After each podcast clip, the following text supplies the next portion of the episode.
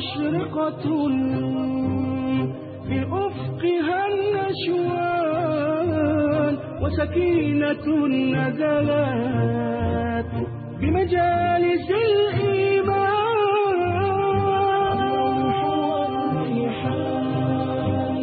وملائك الرحمن فإن أصدق الحديث كتاب الله تعالى وأحسن الهدي هدي محمد صلى الله عليه وآله وسلم وشر الأمور محدثاتها وكل محدثة بدعة وكل بدعة ضلالة وكل ضلالة في النار. اللهم صل على محمد وعلى آل محمد كما صليت على إبراهيم وعلى آل إبراهيم في العالمين إنك حميد مجيد. وبارك على محمد وعلى آل محمد كما باركت على إبراهيم وعلى آل إبراهيم في العالمين إنك حميد مجيد. أخرج الإمام النسائي والترمذي وأحمد وصححه الحاكم في المستدرك من حديث النواس بن سمعان الكلابي رضي الله عنه. قال قال رسول الله صلى الله عليه وآله وسلم ضرب الله مثلا صراطا مستقيما وعلى جنبتي الصراط سوران وفيهما أبواب مفتحة وفي ال وعلى الأبواب ستور مرخى. وداع يدعو على رأس الصراط يقول يا أيها الناس ادخلوا الصراط جميعا ولا تتعوجوا. وداع يدعو من فوق الصراط. قال عليه الصلاة والسلام أما الصراط فهو الإسلام وأما السوران فحدود الله وأما الأبواب فمحارم الله وأما الداعي الذي على رأس الصراط فكتاب الله وأما الداعي الذي يدعو من فوق الصراط فواعظ الله في قلب كل مسلم. وكنا وقفنا أمس عند شطر من هذا الحديث وكان كلامنا في النهاية. فيما يتعلق بذكر الله تبارك وتعالى وأنه حياة القلب. وأن الأذكار الموظفة كلها إنما شرعت ليظل لسانك رطبا بذكر الله تبارك وتعالى. كلما رأيت شيئا في الكون فذكرت الله تبارك وتعالى فلا تزال ذاكرا وتكون في جنة حصينة من الشيطان لأن الشيطان لا يدعوك مطلقا. ثم إنه يدخل لكل إنسان من بابه. وهذا من الداء الخفي الذي لا يراه إلا أهل اليقظة أن الشيطان يدخل لكل إنسان من بابه. قال الله تبارك وتعالى للنبي صلى الله عليه وسلم فاستقم كما أمرت ومن تاب معك ولا تطغوا. فذكر التوبة والطغيان بعد الأمر بالاستقامة. إيه معنى هذا الكلام؟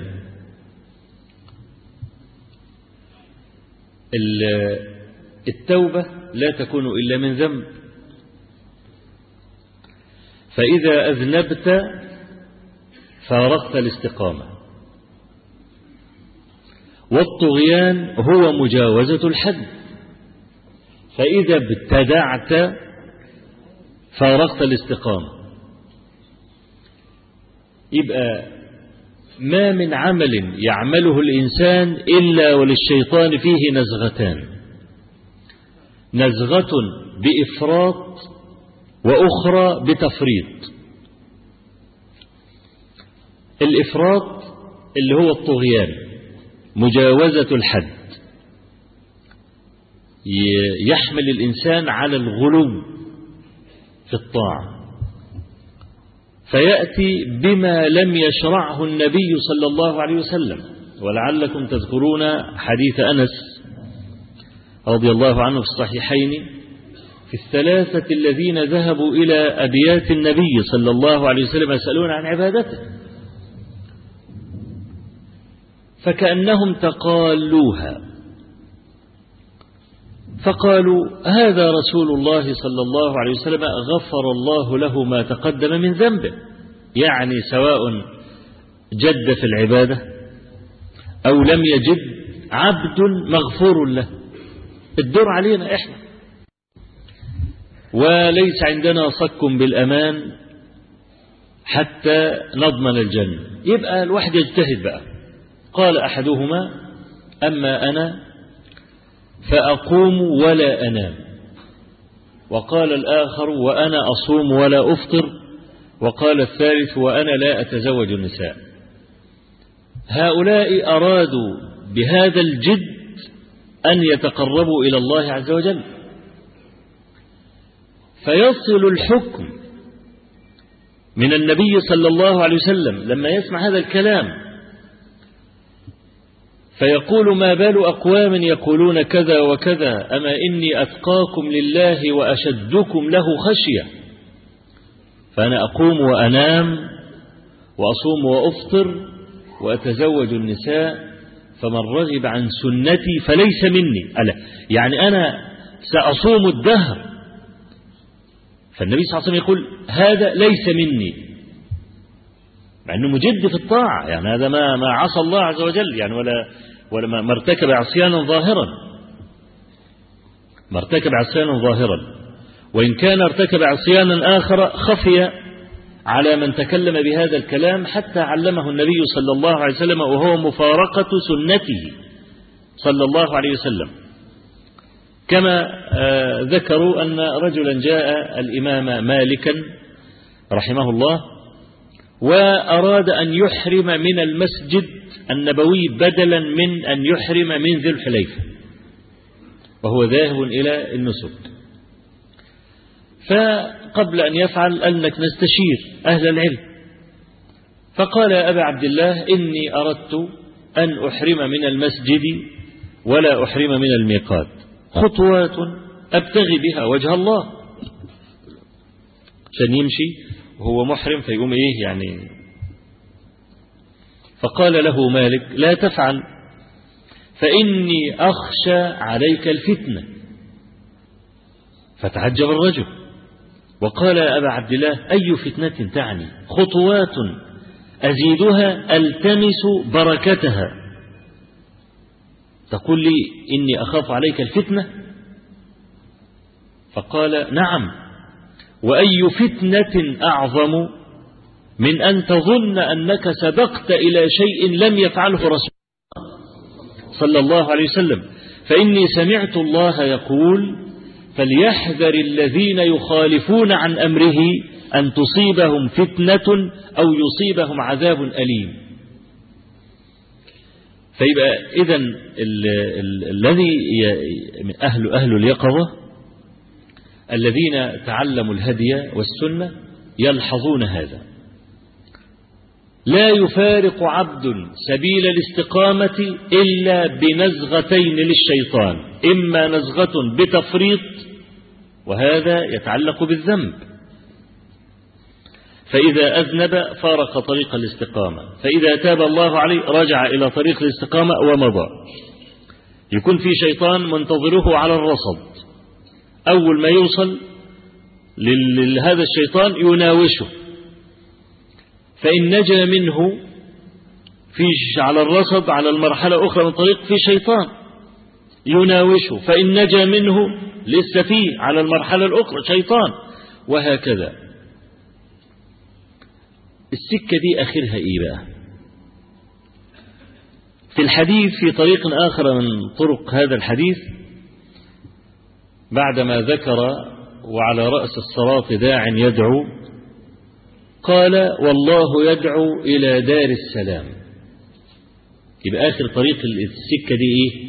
الجنة. هذا آخر الطريق. فلا يدعك الشيطان أبدا حتى والروح في الحلقوم.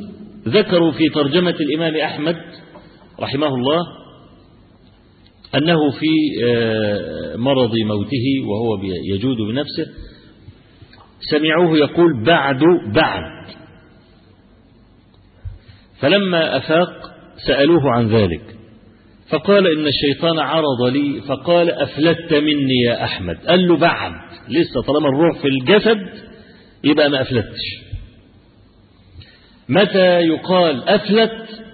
إذا خرجت روحه. خلاص الشيطان ليس له شغل معه. فيظل هذا الشيطان لآخر نفس زي ما جالك في أول نفس برضه. أول نفس أنت تنفسته خدت نفس من على وش الدنيا نزلت من رحم أمك أم, أم مديك زغدي في جنبك كده. ده كلام النبي عليه الصلاة والسلام. هو الولد بينزل يبكي ليه؟ اوعى تقول جعان ولا عطشان ولا الكلام ده. لا الشيطان زغده. كما قال النبي صلى الله عليه وسلم ما من مولود يولد إلا وينخ ونخسه الشيطان. تذكيرا بعداوته. طب ده لسه نازل يعني لا له سن تقطع ولا يد تبطش. لسه ما عملش حاجة خالص. لا ده غل غل. لأنه قال لله عز وجل فبعزتك لأغوينهم أجمعين. إلا عبادك منهم المخلصين قال هذا صراط علي مستقيم. إن عبادي ليس لك عليهم سلطان. إلا من اتبعك من الغاوين. فعل الشيطان القصادي مع كل بني آدم إلا مريم وابنها. قال وقالوا إن شئتم وإني أعيذها بك وذريتها من الشيطان الرجيم. يعني مع أول نفس يزغدك ومع آخر نفس لسه برضه طمعان في إضلالك لأنه ما عرفش يعمل معاك في السكة الطويلة دي عشت ستين سنة سبعين سنة ثمانين سنة مش عارف يعمل معاك حاجة. أو على الأقل أنت بتغلبه جولة يغلبك جولة تغلبه جولتين يغلبك مش عارف إيه. بس في الآخر سلمت. في الآخر سلمت. برضه طمعان لحد آخر مدى. وكما قلت لكم لا يريد الشيطان بأي سهم يسدده إلى الإنسان إلا هذه المضغة اللي هي أنفس ما فيك. أنفس ما فيك. عشان كده الاهتمام بالقلب واجب لمن أراد النجاة. إحنا بنلاقي الإنسان ساعات قلبه يقسو. ويسمع القرآن لا يتأثر يسمع الموعظة لا يتأثر. وناقد بقى. يدخل لك الشيخ النهاردة ما كانش في الفورمة. لا ده أنت اللي مش في الفورمة أصلا. جهاز الاستقبال عندك عطلان. داخل بأذن ناقد مش بأذن آه مستمع. وأنا أقول لكم حاجة حصلت لي يعني. طبعا بخطب جمعة على طول والكلام ده هو وأنا شباب يعني فكنت برضو أدخل الجامع برضو ودني إيه؟ ناقد. الشيخ ده مش مظبوط ما يعرفش يلم الموضوع كويس بتاع الكلام ده. وبعدين قلت طب أنا هعذب نفسي ليه؟ لما بخطبش جمعة بلتمس أي مسجد أصلي فيه قلت أنا أعذب نفسي ليه؟ طب ما أسمع أدي لنفسي فرصة وأسمع يعني وأفتح ودني. ما دخلت مسجدا من المساجد بعد ذلك حتى لو الراجل كان بيقول ريان يا فجل إلا واستفدت منه. مرة استفدت من إشارة خطيب. إشارة. وهو بيتكلم عن قصة إبراهيم عليه السلام في ذبح ولده إسماعيل. فبيقول إيه؟ فبيقول فلما أسلم وتله للجبين وناديناه أي يا إبراهيم قد صدقت. وقام واقف وأشور بإيده كده. أنا فهمت أو فتح لي في هذه الآية إن دي أحد الأدلة في أن الإيمان قول وعمل. مش تصديق بس. ليه؟ لأنه أسلم وتله للجبين. حصل فعله كفى على وشه مسك السكينة وهيذبح. قال له صدقت إذا التصديق ليس مجرد الكلام. بل لابد أن يكون التصديق معه الإيه معه الفعل. لما شور كده وبيعمل بيذبح بإيده كده والكلام ده أنا فهمت المسألة دي. حتى الراجل اللي, اللي قال حديث موضوع استفدت برضه لأن هذا الحديث لم أره في كتب الموضوعات خالص. ما أعرفش الراجل ده مألفه ولا جابه. أنا استفدت حديث موضوع وخلاص. عرفت إن في الحديث مكذوب. فأنا عايز أقول لما أنت تدخل ادخل بنية أن تستمع وتستفيد. مش بنية ناقد. صلح جهاز الاستقبال عندك. أول ما جهاز الاستقبال ده يتصلح أي واحد يقول كلمة تستفيد بها. لو ده ديدنك بصفة مستمرة وانت ماشي في الشارع شوف ميكروفونات المسجد دي ممكن تكون بالصوت بره. وواحد لا المحاضرة معمولة له ولا بتاع ماشي بالسيارة لقط كلمة تغير حياته بالكامل. كلمة واحدة تغير حياته. وهذا حدث في سنة 1990 92 في محاضرة في مسجد في شارع الهرم في القاهرة وكان أسبوع للمرأة المسلمة. كل شيخ كان يجي يدي محاضرة في جانب من جوانب المرأة المسلمة. وبعدين في درس أحد المشايخ بيدي المحاضرة وفي شيخ قاعد بيتلقى الأسئلة. الشيخ اللي بيتلقى الأسئلة وصلت له ورقة بتقول له أنا راقصة وأريد أن أتوب يمكن أنا الكلام ده ربما ذكرته في بعض المحاضرات. أنا راقصة وأريد أن أتوب. فطبعا استغرب من القصة ليه؟ ده أول مرة ممكن يصل حاجة زي كده في مسجد يعني. دفعه الفضول أن يخرج فخرج وجد بنت سنها 18 سنة في الحدود دي كده واقفة على باب المسجد وقال لها أنت اللي بعت الورقة دي؟ قالت له أيوة أنا راقصة وأريد أن أتوب. قال لها طيب كلميني الساعة 10 بالليل بعد ما انتهى الدرس عشان أشوف إيه القصة أنت عايزة إيه يعني. المهم البنت كلمته وكانت قصتها كالآتي. أبوها طلق أمها. أبوها اتجوز واحدة وأمها اتجوز اتجوزت واحد. وسابوا البنت دي مع أختين ثلاث بنات. وهي الكبيرة والمفترض أنها تنفق على أخواتها. راحت تشتغل في البيوت. في بعض ضعاف النفوس بيتصور إن المرأة لما تشتغل في البيوت عرضها سهل كده وبتاع ولو رمالها قرشين هتسلم وتعمل الكلام ده. قاومت وزهقت من الشغل في البيوت وبتاع. في لحظة من لحظات الضعف الشديد ومفيش فلوس ومش فيش أكل ولا الكلام ده. واحدة قالت لها وأنت ليه تشتغل في البيوت؟ تعالي في أي ملهى من الملاهي الليلية. دول عالم كلهم سكارى وحالتهم بالبلا ومش عارفين اللي بيطلع من جيوبهم يطلع ساعة رزمة كده أنت وحظك يعني. سكران بقى طين. تعال خد راحت هناك عشان ترقص بقى والكلام ده. فزهقت برضه. بس هتعمل إيه؟ أكل العيش مر. ففي يوم من الأيام رايحة بقى الملهى الليلي. عشان ترقص والكلام ده. وهي على الشارع من الناحية الثانية المسجد كان هنا وبعدين أدي شارع وشارع وهي على الناحية الأخرى. عطشت. فبتبص لها في إيه؟ شوية قلل كده قدام الجامع. متعلقين على يعني إيه؟ ستاند حديد كده. فعبرت الشارع عشان تشرب مية. وهي بتشرب مية سمعت كلمتين من الإيه؟ من المحاضر.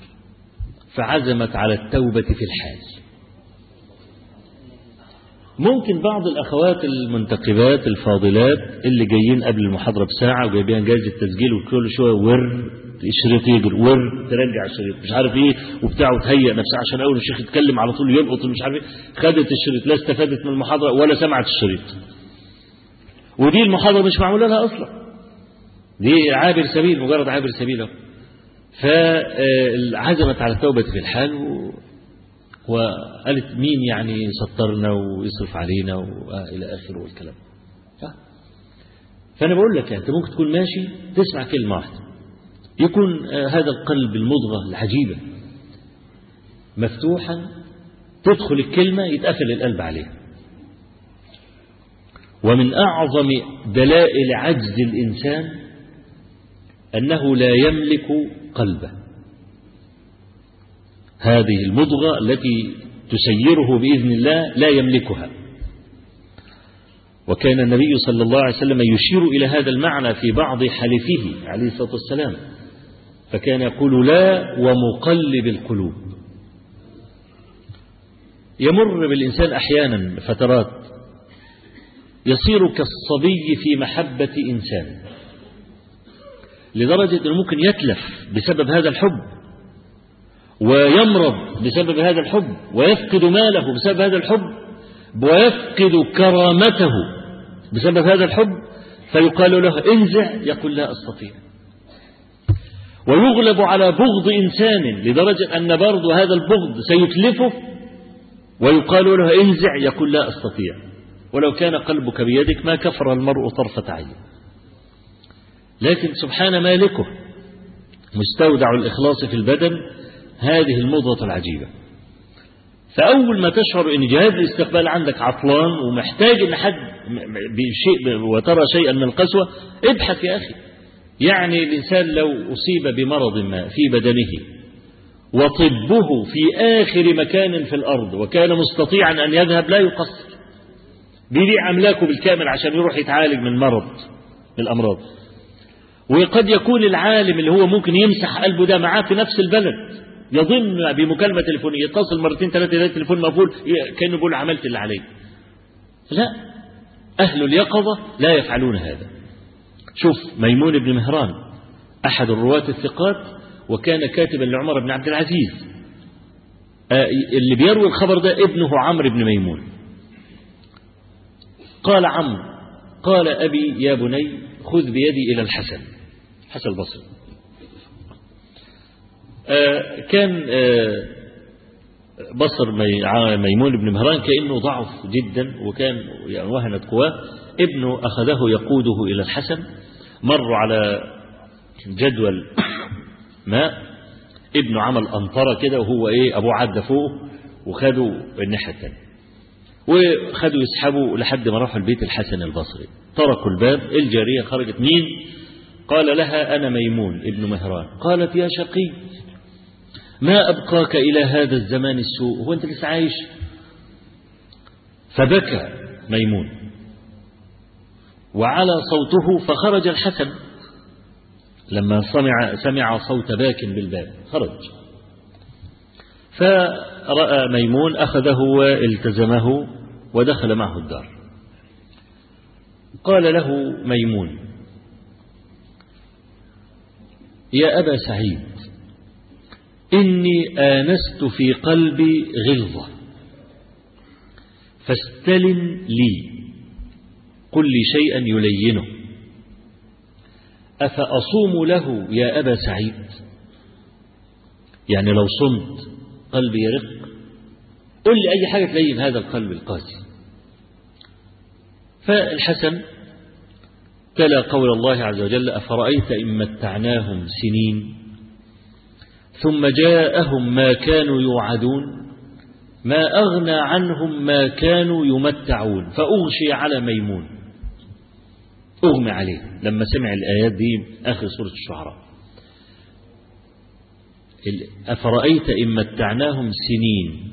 مهما عاش الإنسان زي ما قلت لك السنوات التي يعيشها في الدنيا قليلة. عاش سبعين سنة ثمانين سنة مئة سنة عدى المية. هي قليلة بالنسبة لما يجيء. قليلة. سنين. خليه مالك الدنيا كلها هب أنه عبد من دون الله. خليه فرعون. يبقى عبد من دون الله وخليه قارون كمان. يعني أغنياء العالم النهاردة لو جمعوا كل الفلوس اللي معاهم يا دوبك تبقى الفكة اللي كانت عند قارون. قارون لما شخشخ جيبه كده؟ تبقى هي دي اللي مع أغنياء العالم النهاردة. خليه واحد في الدنيا كده. وخليه مالك الدنيا دي كلها بتاعته. وبعدين؟ يروح يترمي في حفرة. فرأيت إن متعناهم سين ثم جاءهم ما كانوا يوعدون بالموت. ما أغنى عنهم ما كانوا يمتعون. هلك ماله هلك سلطانه صار أسير عمله. ولله در البارودي متنبي العصر الحديث ومجدد شباب الشعر في العصر الحديث. إذ يقول في يعني هذا المعنى كل حي سيموت ليس في الدنيا ثبوت. حركات سوف تفنى ثم يتلوها خفوت وكلام ليس يحلو بعده إلا السكوت. أيها السادر كلي أين ذاك الجبروت؟ كنت مطبوعا على النطق فما هذا الصموت؟ ليت شعري أهمود ما أراه أم قنوت؟ أين أملاك لهم؟ في كل أفق ملكوت. زالت التيجان عنهم وخلت تلك التخوت أصبحت أوطانهم من بعدهم وهي خبوت. لا سميع يفقه القول ولا حي يصوت. عمرت منهم قبور وخلت منهم بيوت. لم تزد عنهم نحوس الدهر إذ حانت بخوت. لم تزد عنهم نحوس الدهر إذ حانت بخوت. إنما الدنيا خيال باطل سوف يفوت. ليس للإنسان فيها غير تقوى الله قوت. وإن وإنكم لتمرون عليهم مصبحين. وبالليل أفلا تعقلون؟ يبقى الإنسان إذا آنس غلظة في قلبه ينبغي أن يتهم نفسه لو كان من أهل اليقظة. ويبحث عمن يلين له هذا القلب لأن حياة القلب وعافيته بهذا الذكر المتصل وهذا الوقود الذي يحركه. اللي هو إيه؟ أن يكون حتى يكون على الاستقامة. يبقى وأنا ماشي على طريق الاستقامة أنا عارف اللي هيخليني أطلع بره طريق الاستقامة واحدة من اثنين. إما المعصية يبقى ترجع. وإما البدعة يبقى ترجع. لزوم الطاعة نجاة من المعصية ولزوم السنة نجاة من البدع. يبقى لما نسمع بقى كلام النبي عليه الصلاة والسلام كلام كلام الله عز وجل النبي صلى الله عليه وسلم فاستقم كما أمرت قال صلى الله عليه وسلم كما في حديث ثوبان استقيموا ولن تحصوا.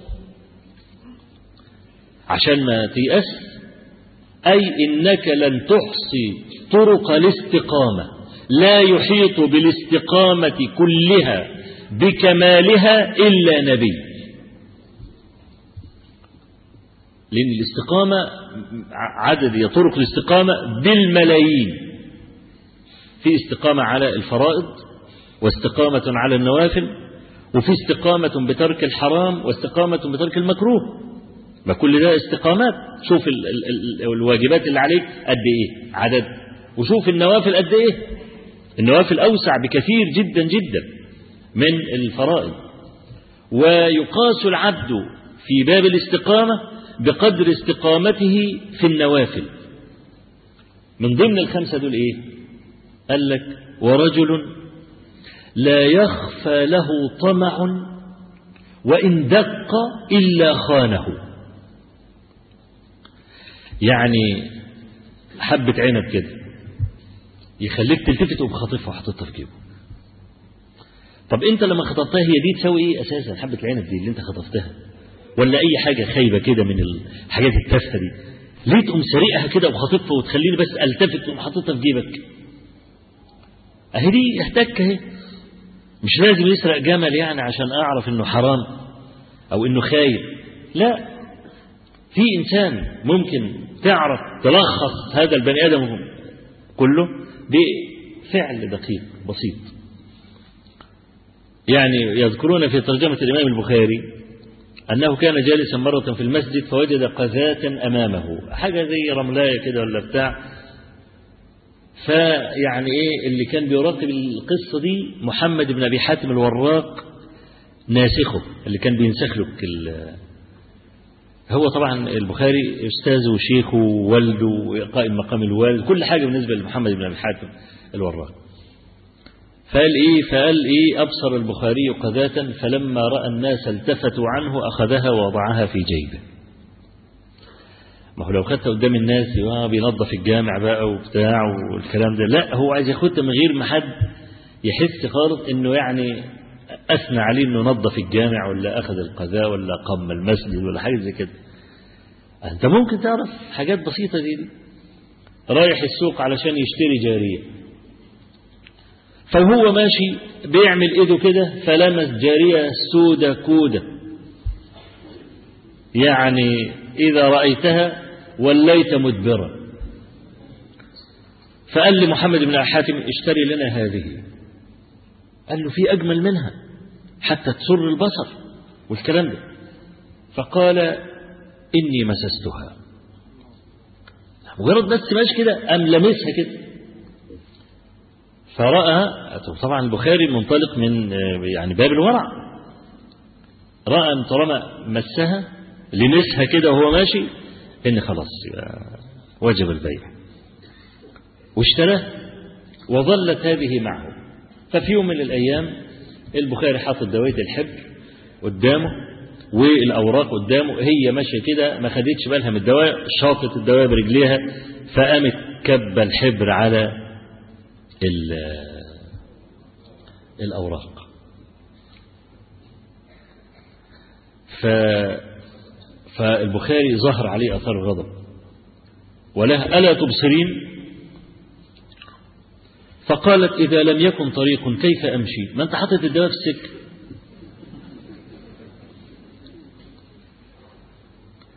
فسكت وأعتقه فقال له محمد بن أبي حاتم الوراق يا أبا عبد الله أغضبتك. قال إني أرضيت نفسي.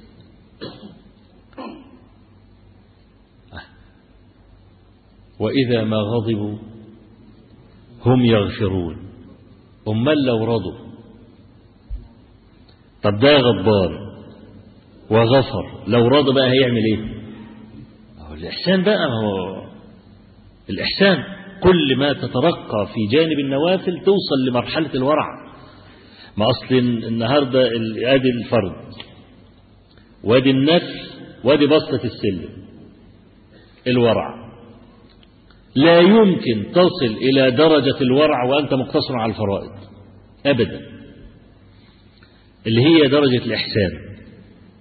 عندك إسلام أدي درجة. إيمان أدي درجة أدي البسطة اللي أنت هتقف عليها. ده الإحسان. وما ذكر الله عز وجل في كتابه عدلا قط إلا أتبعه بذكر إحسان. الذي يحبه الله. قال الله عز وجل إن الله يأمر بالعدل والإحسان. وقال تعالى وجزاء سيئة سيئة مثلها فمن عفا وأصلح فأجره على الله. شوف وإن عاقبتم فعاقبوا بمثل ما عوقبتم ولئن صبرتم لهو خير للصابرين. شوف ما فيش عدل يذكر إلا يذكر الله ما يحبه من الإحسان. يأمر على طول بإحسان بعدين. فإذا يبقى أنا لو عايز أقيس التزام إنسان أقيس التزامه بالنوافل وليس بالإيه؟ وليس بالفرائض. والنفل ده هو اللي وصله كما كما سمعتم في الحديث هو الذي أوصله إلى أن يكون يعني في معية الله تبارك وتعالى. فإن أحببته كنت سمعه الذي يسمع به وبصره الذي يبصر به إلى آخر هذا الحديث المبارك. يبقى هذه المضغة يجب عليك أن تراعيها وأن تهتم بها لأن المرأة إنما يوزن بها يوم القيامة. يقول ابن القيم رحمه الله يأتي الرجل السمين البدين فيوضع في الميزان يوم القيامة فلا يزن عند الله جناح بعوض إنما يوزن المرء بقلبه إلا من أتى الله بقلب سليم. يبقى إذا كان هجي ودأبك بصفة مستمرة. لاعتناء بهذا القلب ثم تستقيم حياتك كلها. وأنا عايز أقول لك على حاجة. عمرك في الدنيا وإن طال قصير إزاي؟ نعمل حسبة للجماعة التجار اللي هم بتوع الأرقام. ونشوف رأس المال ونعمل دراسة جدوى. يعني أنت لو رحت في قلب الصحراء كده وبنيت بناية ضخمة كده وعملت بقى محلات وصرفت على الديكورات مئة ألف ومئتين ألف ومليون والكلام ده في حتة مقطوعة ما بيروحهاش حد. ده يبقى إيه ده بقى؟ مجنون. ليه؟ يقول لك ما عملش دراسة جدوى لازم أنا أشوف القوة الشرائية شكلها إيه؟ الرجلين بتدب في المكان ده ولا لأ؟ هو أنا هبيع لك جن لا عايز بني آدمين. فلازم يروح. وذاك ياخد إيه المحل بتاعه إن شاء الله يكون متر في متر. بس في ميدان كلهم بيخبطوا في بعض في الشوارع. مفيش موضع لقدم. وياخد السكن بتاعه في الصحراء ما يضرش عايز ينام ومش عايز دوشة. بس ياخد المحل بتاعه في مكان فيه قوة شرائية قوية. يوم يقول لك إيه ده راجل عامل دراسة جدوى. في الجبال مثلا. كنت مرة في رحلة من الرحلات وكان بجانبي رجل مصري. اتعرفنا على بعض طلع أستاذ في كلية هندسة. المهم قعدنا ندردش مع بعض وصل الايه الحال اللي قلنا قال لي بلاد العرب أغنى البلاد. قلت له بإيه؟ قال بجبالها. الجبال دي كلها فلوس. طلع منها الحديد وطلع منها الذهب وطلع منها كل حاجة. قلت له طب إزاي يعني بت بت بتطلعوا الحديد والذهب؟ قال لي بنعمل دراسة جدوى ناخد مجموعة من الصخر وعندنا حاجة زي المشارط والكلام ده ناخد سلخة كده من البتاع ونحللها ونشوف نسبة الحديد في الجبل ده قد إيه. إذا كانت نسبة الحديد عالية جدا أطلع الحديد من الجبل ده. إذا كانت قليلة ما طلعوش ليه؟ لأن لو عملت دراسة جدوى هيبقى طن الحديد غالي جدا لأن استخلاصه من الجبل هيبقى مكلف. فيقول ما بنعملش حاجة إلا إذا عملنا دراسة جدوى. وأي حد في الدنيا حتى لو هقول لك على حاجة. الحمار. عنده دراسة جدوى. أشوف يعني الحمار ده مذموم في كل حاجة إلا في حاجة واحدة بس ممدوح فيها. يقول لك حمار شغل. مش كده؟ هو بس ممدوح في الحتة دي بس حمار شغل. إنما كل حاجة يا حمار يا حمار يا حمار كده. أنا بتكلم على اعتقاد أنا راجل فلاح وكنت زمان وأنا صغير كده في إعدادي وبتاع شغال على الحمار. آخد الردم وأودي الغيط والسباخ وأودي الغيط وبتاع والكلام ده شغالين. لو لو أنت عايز الحمار ده ينط أناية كده بتاعت مية وهو ضربها في دماغه كده ولقى نفسه هيطب في الأناية لو قطعت جلده لا يمكن يقفز هذه القناة. والكلام ده يعرفه الجماعة الفلاحين اللي هم عارفين القصة دي. مستحيل. موته من الضرب ما يزعش الأناية أبدا إذا عرف إنه هينزل فيها القطة حتى لو أنت شفت قطة جاية وسيارة جاية شوف بتعمل إيه القطة. دراسة الجدوى ما بين الحياة والموت.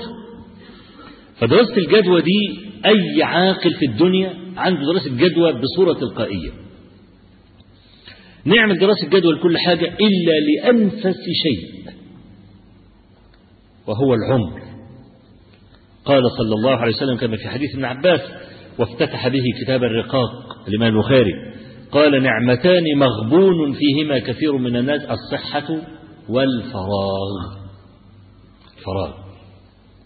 فأنا عايز أعمل دراسة جدوى لحياة إنسان يعيش ستين سنة. عن كم سنة يحاسب؟ عشان يشوف الأهوال اللي هتجيله من أول ما يموت لحد ما كل واحد يعرف مستقره من الجنة والنار. قلنا شريحة بني آدم يعيش ستين سنة. 12 سنة لا يحاسب لسه عيل لم يبلغ. عشرين سنة بينامها. ثمان ساعات في اليوم في ستين سنة تطلع لك عشرين سنة. يبقى طار كم سنة؟ اتنين وتلاتين سنة. كم سنة فضلاله؟ ثمانية وعشرين سنة. تأبيدة. ثمانية وعشرين سنة.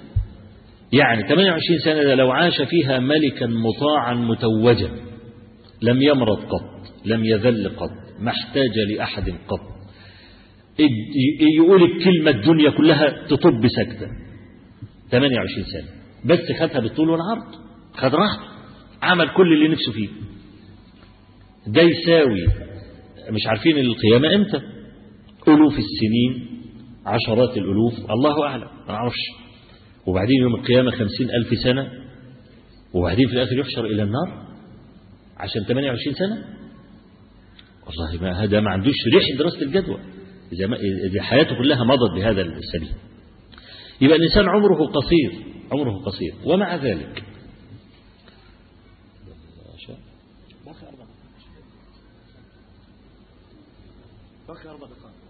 طيب. ومع ذلك هذا العمر القصير طويل جدا بالنسبة لمن أطاع. إزاي؟ هاخد حاجة واحدة بس. قال تعالى ليلة القدر خير من ألف شهر. ألف شهر يعني كم سنة؟ ثلاثة وثمانين سنة وكم شهر؟ خلها ثمانين سنة. أنت بقى ربنا عز وجل أكرمك ومن أول ما عرفت راسك من رجليك ابتديت تصوم رمضان وقمت العشر الأواخر. فلا بد أن تصيب ليلة القدر. طالما قمت الإيه العشر الأواخر. هنقول اللي إحنا لسه بنقول راجل سنه 60 سنة خليها 60 سنة. صم من أول 15 سنة لحد 60 سنة أدي 45 رمضان. 45 في 80 يطلع 3000 وكسر. يعني أنت مكتوب عند الله عز وجل عابد عابد. عمرك الفعلي في الطاعة في العبادة دي بس 3000 وكسر. شوف بقى بقية العبادات اللي انت بتعملها بقى. في عبادات تحط الذنوب وعبادات ترفع الدرجات وادي كمان خير من ألف شهر. يعني تلقى الله عز وجل عمرك العبادي ها أربعة آلاف خمسة آلاف سنة برغم أن أصل عمرك 28 سنة. يبقى مغبون مغبون فعلا. اللي اللي اللي اللي يمشي بالسيرة البطالة ولا لا؟ مغبون أهوال جياله في مقابل زي ما قلت بخلاف أهل الإيه؟ بخلاف أهل الطاعة. القصة دي كلها مبنية على سلامة القلب. يبقى إزاي أنت مهمل يعني قلبك إلى هذا الحد؟ يقسو ولا على بالك. تسمع القرآن ما بتعيطش ولا على بالك. تسمع الموعظة ما تتحركش ولا على بالك. ما أنا عايز أفهم أنت هتصحى أنت بقى؟ متى يستيقظ الإنسان؟ لما يرى ملك الموت؟ خلاص ويقول رب ارجعون. خلاص. يبقى نحمد الله عز وجل أننا ما زلنا أحياء حتى الآن. كم من حسرات في بطون المقابر. واحد طالع يقول يا جماعة وضبوا الغدا أنا جاي ويطلع ما يرجعش. يا ناس كان يتمنى أن يقول كلمة أخيرة قبل أن يموت. ما قالها. يبقى الحمد لله أن إحنا الآن أحياء الحمد لله أن إحنا رأينا مصارع من قبلنا بنتعلم بنعد كل يوم من الذكر نعيد قراءة القرآن مرة أخرى نعمل الصالحات مرة أخرى. الحمد لله.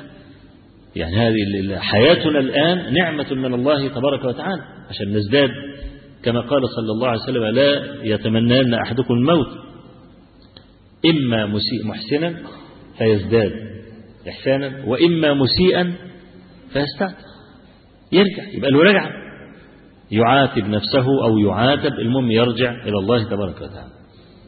فيبقى إذا القصة كلها زي ما قلنا مبنية على هذه الإيه على هذه المضغة المضغة التي دعا إبراهيم عليه السلام أن يلقى الله عز وجل بها.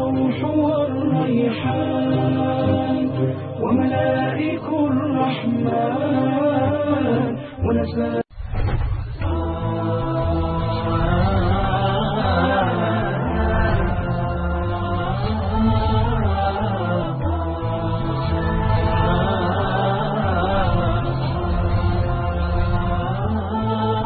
هدي الحبيب يقودني وبنوره تصفو الحياة. في درب النبي صح وأشراف عن أبي أمامة الباهلي رضي الله تعالى عنه قال ذكر لرسول الله صلى الله عليه وسلم رجلان أحدهما عابد والآخر عالم. فقال رسول الله صلى الله عليه وسلم فضل العالم على العابد كفضلي على أدناكم. ثم قال رسول الله صلى الله عليه وسلم إن الله وملائكته وأهل السماوات والأرضين حتى النملة في جحرها وحتى الحوت ليصلون على معلم الناس الخير يقودني وبنوره تصفو الحياة في درب النبي صح وأشراف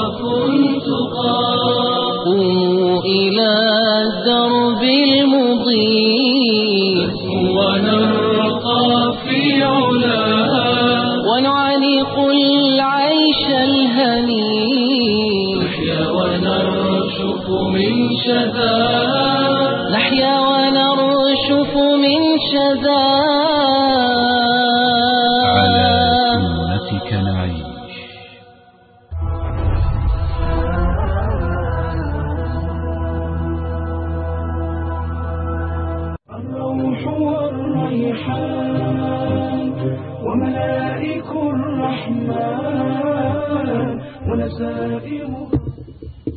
فنرجع إلى قوله صلى الله عليه وآله وسلم استقيموا ولن تحصوا أي لن تحصوا سبل الاستقامة جميعا. ليه؟ لأنها كما قلت واسعة جدا جدا. فيبقى الإنسان يستقيم على قدر ما يستطيع. وإذا خرج عن سبيل الاستقامة إما بذنب أو ببدعة فيجب عليه أن يرجع. وطبعا هو إذا كان من العوام لن يرجع إلا إذا كان بصحبة عالم. وإذا كان من أهل العلم أو طالب علم إنما يرجعه العلم. والإنسان ماشي بقى في هذا الصراط كما قلت وعلى الرصد دائما أعداء ينتظرونه. كل عدو من هؤلاء الأعداء يؤزه أزا أن يخترق بابا من هذه الأبواب. اللي هي إيه؟ الأبواب اللي هي في السور. لو خرج من الباب زي ما ذكرت أمس خرج إلى الفضاء الواسع. ده مش معناها أن من ارتكب ذنبا كفر حتى وإن كان كبيرا. ها؟ حتى وإن كان مصرا عليها برضه. لا. لا يكفر. دي مش معناها عشان بس ما فيش حد يربط ما بين المثل اللي ذكرناه أمس أنه إذا خرج من الإحسان وقع في الإيمان خرج من الإيمان وقع في الإسلام خرج من الإسلام إلى الفضاء الواسع إذا خرج إلى الكفر. لا السوران دول حدود الله عز وجل. ممكن الإنسان يتعدى حدود الله فيكفر إذا كان مستحلا لذلك. وممكن يعصي حتى وإن كانت المعصية كبيرة فلا يكفر بها إلا إذا استحلها من قلبه. ذكرت أمس أن الستارة الموضوع على الباب دي اللي هي النص. وأنا أراجع طرق الحديث اليوم. وجدت هذا المعنى في طريق من طرق الحديث وأول مرة أراه. برغم أنني قرأت هذا الحديث عدة مرات لكن سبحان الله أحيانا الإنسان قد يفوت عليه شيء.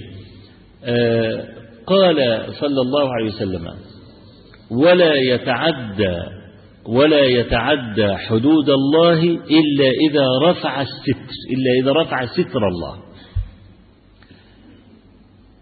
ستر الله عز وجل الذي وضعه على محارمه هو النص المانع. النص المانع. لا تأكلوا الربا لا تقربوا الزنا لا تقتلوا النفس التي حرم الله إلا بالحق. لا لا لا. كل هذه اللاءات لا تفعل لا تفعل كلها عبارة عن نصوص على هذا الباب على باب المحرمات. فالعبد لا يدخل من الباب إلا إذا أزال الستر. يبقى إذن هو عامد وقاصد أن يزيل الستر. طيب. إزالة الستر هل معناها أنه جاهل بالحكم؟ مش لازم. هو في في الدنيا واحد أقدم على الزنا وهو يعتقد أن الزنا أحله الله؟ في إنسان أقدم على قتل إنسان وهو يعتقد أن القتل حلال؟ لا في محرمات أصلية محرمات لذاتها. إلا إذا واحد طمس الله على قلبه. ده موضوع تاني بقى اللي هو شايف إن كل حاجة حلال له. ده خرج بقى للفضاء الواسع. ده زي مثلا الراجل اللي بيحكي حكايته كان قتال قتل. كل ما واحد عايز يقتل واحد يديله قرشين ويقول له اقتل ده. ففي مرة من المرات جت له واحدة جوزها اتقتل. فقالت له أنا عايزك تقتل لي فلان الفلان عشان قتل جوزي. فلا تدفعي كام؟ بكت. وقالت والله ده أنا غلبانة وأنفق على أيتام قال لها خلاص سأقتله لوجه الله. ها؟ أظن دي ما تخطرش على بالك أبدا واحد يقول سأقتله لوجه الله يعني كده ببلاش يعني. ها؟ يبتغي الأجر. الإنسان لما يصل إلى إلى هذا الحد يتصور أن القتل حلال وأن لا شيء فيه الكلام ده. خلاص ده يبقى إنسان طبع على قلبه. المحرمات لذاتها التي ما أباحها الله يوما من الأيام. زي الكفر زي القتل زي الزنا. ما أباحها الله لأحد قط. في محرمات لغيرها. مش هي محرمة بذات لا حرمت بسبب طارئ عليها.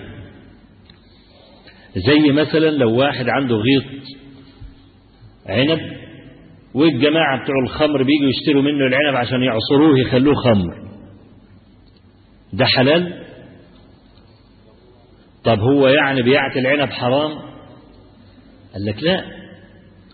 بيع العنب في الأصل حلال فلما دخل عليه سبب من الخارج زي هياخد يعصره ويخليه خمر قال لك حرام. تاخده تحطه في إقفاص وتبيعه في الأسواق قال لك حلال. يبقى إذا لما أنا أقول له بيع الخم بيع العنب حرام يعني حرام لغيره بسبب آخر بخلاف البيع نفسه. يبقى أنا عندي المحرمات إما أن تكون محرمات لذاتها وهي التي ما أباحها الله يوما من الأيام لأحد من عباده أو محرمات لغيرها يبقى أصلها حلال ولكن دخل عليها سبب طارئ فحرمت بسبب آخر. ف... فالذي يقدم على أي معصية من المعاصي عارف أنه مرتكب لكبير. طب يقدم ليه؟ طالما أنه عارف الجزاء وعارف العقوبة ابتداء قبل ما يعمل القصة دي عارف العقوبة الذنب. إيه اللي بيخليه يخط بقى ويروح الكلام ده؟ قال صلى الله عليه وسلم في حديث أبي هريرة في الصحيحين وغيرهما لا يزني الزاني حين يزني وهو مؤمن. ولا يشرب الخمر حين يشربها وهو مؤمن. أي أنه في حال الزنا لا يكون عنده إيمان. لأنه لو كان مستحضرا لإيمانه لحجزه الإيمان عن الزنا. وهو يفعل الفعل لا يكون مؤمنا. وقد ورد تفسير هذا في حديث أبي هريرة من طريق آخر. قال صلى الله عليه وسلم إذا زنى العبد ارتفع عنه الإيمان كالظلة زي الشمسية اللي أنت حطيتها على راسك من الحر. أول ما يزني يوم الإيمان طالع سايبه طالع. يبقى زي الشمسية فوق راسه. فإن تاب رجع إليه وإلا. إذا فضل شغال في الأزرق بقى وبتاعه ومش عايز ينزع والكلام ده ممكن يصل لمسألة معاه لدرجة الاستحلال. لا يعود الإيمان إليه. يبقى الذي جعله يقدم لم يكن عنده إيمان مانع حال القدوم. يبقى لما شد الستارة دي اللي هو وضع النص جانبا لا تقربوا الزنا اشتغل لا تقتلوا لا تشربوا الخمر لا شرب الخمر. يبقى إذا أهمل النص المانع قبل أن يدخل. ودي بقى لما يدخل من الباب تخطى حدود الله. وتلك حدود الله فلا تعتدوها تلك حدود الله فلا تقربوها لا تتعدى حدود الله. ليه؟ إنسان إذا تعدى حدود الله ظلم نفسه بأنه يعذب بالنار. وإذا أمرك الله عز وجل بأمر حتى لو كان شاقا على سبيل الوجوب افعل. اوعى تحط عقبة أو الشيطان يضع لك عقبة يقول لك لا أنا مش هقدر. في ناس كده قبل ما يفعل الفعل يقول لك معلش ده, ده شكله كده مش هقدر عليه. طب لماذا تغلق على نفسك باب التوفيق؟ لا حول ولا قوة إلا بالله. هو الذي يعطيك الحول والقوة أنت ليه واقف بالذات إذا كان الله عز وجل أوجب عليك هذا. استمع إلى هذه الآيات. وما فيها من الشدة التي لو التزمتها انظر إلى ما فيها من الخير الذي جاء في آخرها. قال تعالى ولو أن كتبنا عليهم أن اقتلوا أنفسكم أو اخرجوا من دياركم ما فعلوه إلا قليل منهم ولو أنهم فعلوا ما يوعظون به لكان خيرا لهم وأشد تثبيتا. وإذا لآتيناهم من لدنا أجرا عظيما ولهديناهم صراطا مستقيما في أكثر من كده؟ بيقول لك اقتل نفسك أو اخرج من دارك. فجعل القتل عديل الخروج من الدار. يبقى أنت تعرف فضل بقى المهاجرين الأولين. لما قيل لهم اخرجوا من دياركم واتركوا أموالكم وأولادكم وملاعب صباكم واذهبوا لا مال عندكم إلى بلد الإقامة بلد الهجرة بلد الإسلام المدينة امتثلوا جميعا. حتى أن العلماء يذكرون في سبب نزول قوله تعالى ومن يهاجر في سبيل الله يجد في الأرض مراغما كثيرا وسعة يقولون إن الآية نزلت في رجل كبير في السن. ونحن نعلم بنص الكتاب العزيز وبأحداث السيرة أن الله تبارك وتعالى وضع وجوب الهجرة عن العاجز من المشايخ الكبار ومن النساء ومن الولدان. فرجل بقى من الناس الكبار في السن قاعد بقى في مكة وكل شوية بقى تذكر بقى النبي صلى الله عليه وسلم وهو بيصلي بقى بالجماعة المؤمنة. والدفء الذي كان يشيعه في وسط الثلة المؤمنة. يعني شوف أسماء بنت عميس كما في صحيح مسلم من حديث أبي موسى الأشعري. آه لما رجعوا من الحبشة من هجرة الحبشة بقى في خيبر ودخلت أسماء بنت عميس وكانت امرأة جعفر بن أبي طالب. آه دخلت على حفصة أم المؤمنين. فعمر بن الخطاب داخل على ابنته حفصة أم المؤمنين فلقى واحدة قاعدة كده فبيقول لها مين دي قالت له هذه أسماء بنت عميس؟ قال لها آل بحرية هذه آل حبشية هذه الحبشية عشان كانت في الحبشة والبحرية عشان ركبوا البحر وإيه؟ ركبوا البحر لأن ركوب البحر كان عند العرب حاجة مرعبة حاجة مرعبة. الموت يساوي ركوب البحر عند العرب. شوف أبو العباس المبرد لما واحد جاب يقول له يا أبا العباس أريد أن أقرأ عليك كتاب سيبويه في النحو قال له ده ده باين عليه مش واخد باله من كتاب سيبويه ولا إيه؟ فحب يخضه يعني. قال له أبني هل ركبت البحر؟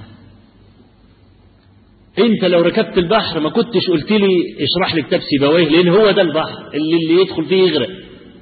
فالبحر كان حاجة مرعبة يعني. فالعمر الخطاب بيقول له آه البحرية وهذه ركبت البحر والكلام ده. قالت نعم. فقال لها سبقناكم بالهجرة فنحن أولى برسول الله منكم. علشان هم كانوا في الحبشة وبعدين الصحابة بقى طلعوا من مكة للمدينة على طول. هم طلعوا هربانين للحبشة وبعدين جم من الحبش على خيبر. في أحداث خيبر يعني. فعمر الخطاب لا نحن سبقناكم بالهجرة. ووصلنا إلى النبي صلى الله عليه وسلم في المدينة قبلكم فنحن أولى برسول الله منكم. قال فغضبت. وقالت كذبت والله يا عمر. كنتم مع رسول الله صلى الله عليه وسلم يطعم جائعكم ويعظ جاهلكم.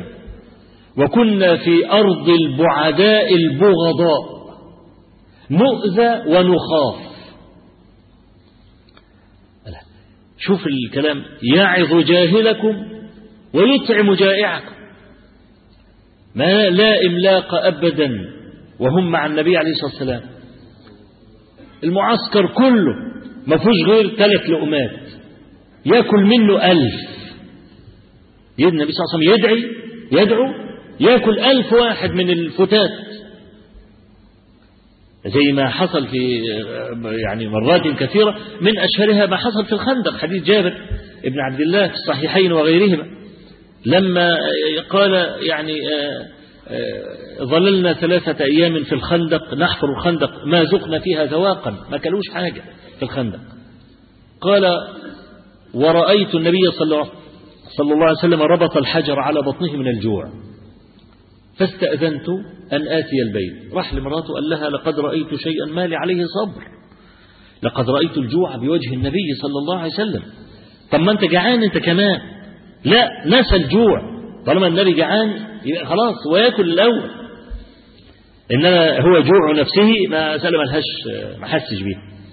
عند عندك شيء قالت له أيوة عندي عناق جدي صغير كده وصاع من شعير. ذبح الجدي اسلخي بقى واعجني لحد ما. فقالت له إياك أن تفضحني برسول الله صلى الله عليه وسلم ومن معه. مفيش أكل. ما تروحش تجيبهم كلهم ويجوا ما يلاقوش أكل. ده ده فضيحة بالنسبة له. لكن إيه؟ اهمس في أذنه وقل له عندي عناق وصاع من شعير فأت أنت وبعض ها؟ وحط كم خط تحت وبعض دي أصحابك. فجابر راح وهمس في يوز النبي صلى الله عليه وسلم قال له إيه؟ جدي كده على قد كده وصاع من شعير وأنت واثنين ثلاثة كده. قال جابر فلم يرعني أي فوجئت يعني إلا والنبي صلى الله عليه وسلم يصيح في أهل الخندق. يا أهل الخندق قد صنع لكم جابر طعاما. قال فأدركني من الحياء ما لا يعلمه إلا الله. هياكلوا إيه؟ فقلت يا رسول الله إنما هو جدي وصاع. قال اذهب فلا تضع اللحم على النار حتى أجيب. ولا تخبز حتى أجيب. وجم النبي صلى الله عليه وسلم جاء مع الصحابة وأول ما قال أين البرمة؟ اللي فيها اللحم بقى. فجيء بها فبصق فيها وبارك. أين العجين؟ جم بالعجين. فبصق فيه وبارك. حط بقى البرم على النار اخبزه بقى. يقول جابر كما في رواية البخاري فأقسم بالله لقد أكلوا حتى تحولوا وتركوه وكانوا ألف رجل. وإن البرمة على النار كما هي وإن العجين كما هو. فلما أسماء بتقول له بقى بتقول له يطعم جائعكم ويعظ جاهلكم وكنا في أرض البعداء البغضاء البعداء في النسب والبغضاء في الدين. فالهجرة دي حاجة كبيرة حدث الهجرة دي. ولذلك أمر الله عز وجل المؤمنين بقطع الموالاة بينهم وبين الذي كان قادرا على الهجرة ولم يهاجر. فالراجل ده بقى كبير في السن بل بقى يفتكر بقى النبي صلى الله عليه وسلم بيصلي بقى بالمؤمنين وبتاع وأنا اللي قاعد في وسط الكفرة. دول برودة الكفر بقى وهنا حرارة الإيمان وبتاع ما استحملش إنه يقعد في المدينة. قام واخد بعضه وطالع من المدينة وعزم على الهجرة. طب لما يطلع من مكة المدينة ده مسافة طويلة 450 كيلو. شوف بقى لما تركب الأتوبيس ولا حاجة بتاخد لك أربع خمس ساعات في السكة لحد ما بتون. مثلا ده ماشيها على رجله بقى. يشيلوا ليل ويحطوا نهار ويشيلوا ليل ويحطوا نهار وأرض غير ممهدة والكلام ده. المهم قطع مرحلة في الطريق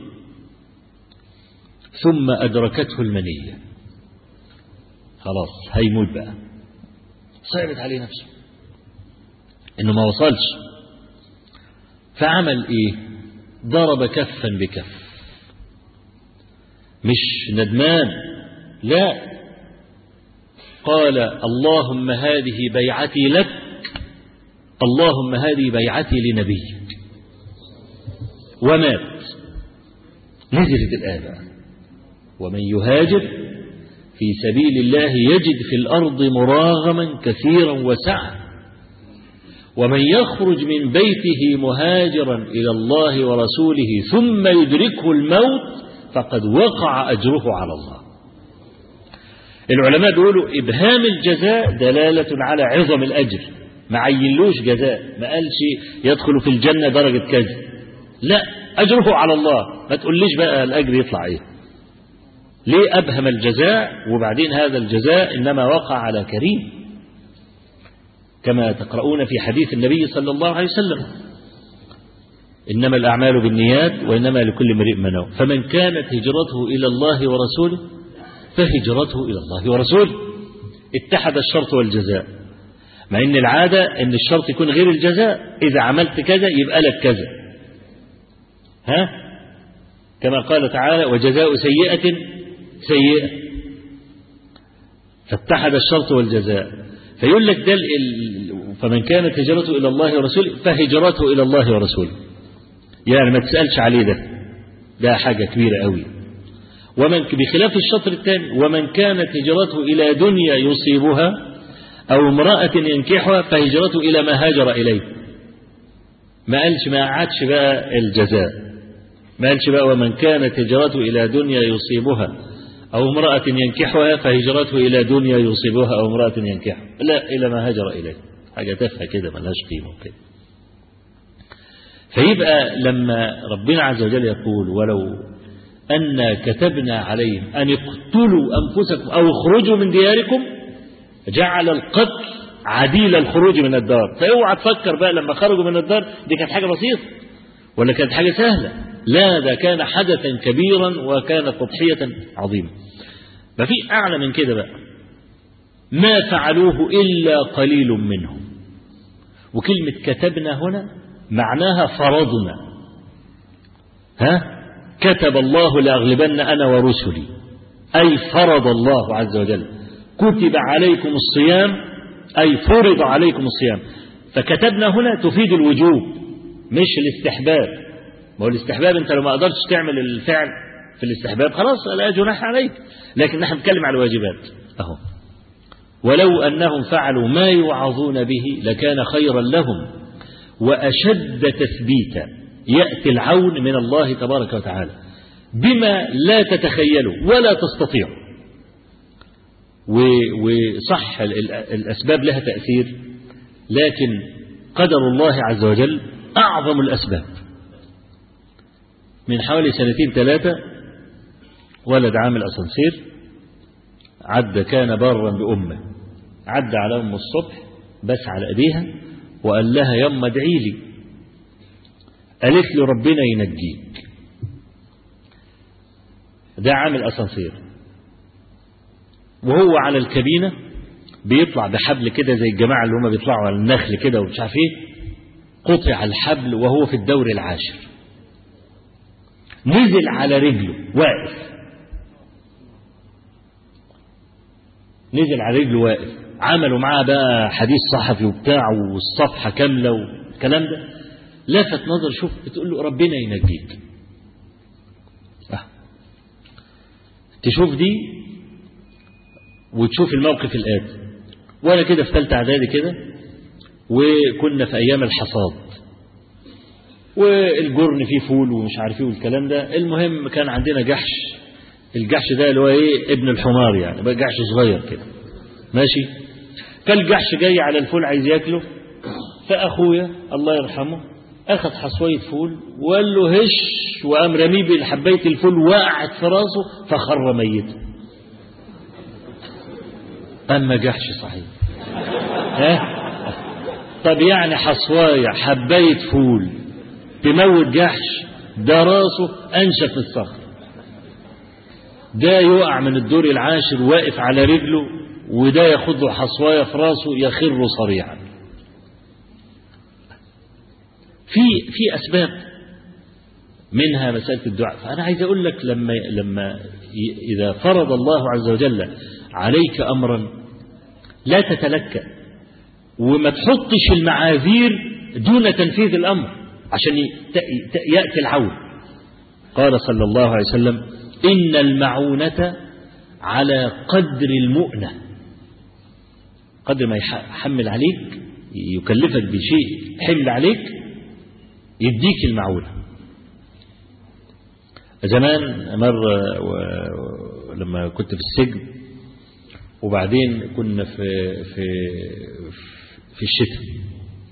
فأنت مصروف لك بطانيتين تنام على بطانية وتستغطى ببطانية فبقول للشاويش رمضان بقول له يا شاويش ما عايزين بطانية كمان عشان نستغطى بيها يعني. فقال لي الكلمة دي. أنا ما عرفتش إن الكلمة دي مأخوذة من الحديث النبوي اللي بعد ما درست بعد كده السنة يعني. قال لي يا ابن البرد بينزل على قد الغطا فهي هي إن المعونة على قدر المؤنة. على قدر المؤنة. لما يكون عندك خدام مثلا وتقول له يا ابني هات الشوال ده شوال رز ولا شوال سكر ولا بتاع. يقول لك ده شكله تقيل. ده أنا كده مش هقدر أشيله ده أنا كده هيجي لي انزلاق غضروفي ولا حاجة ولا بتاع الكلام ده. كل ما تأمره بأمر يحط الإيه؟ القصة دي. أنت بتعمل فيه إيه؟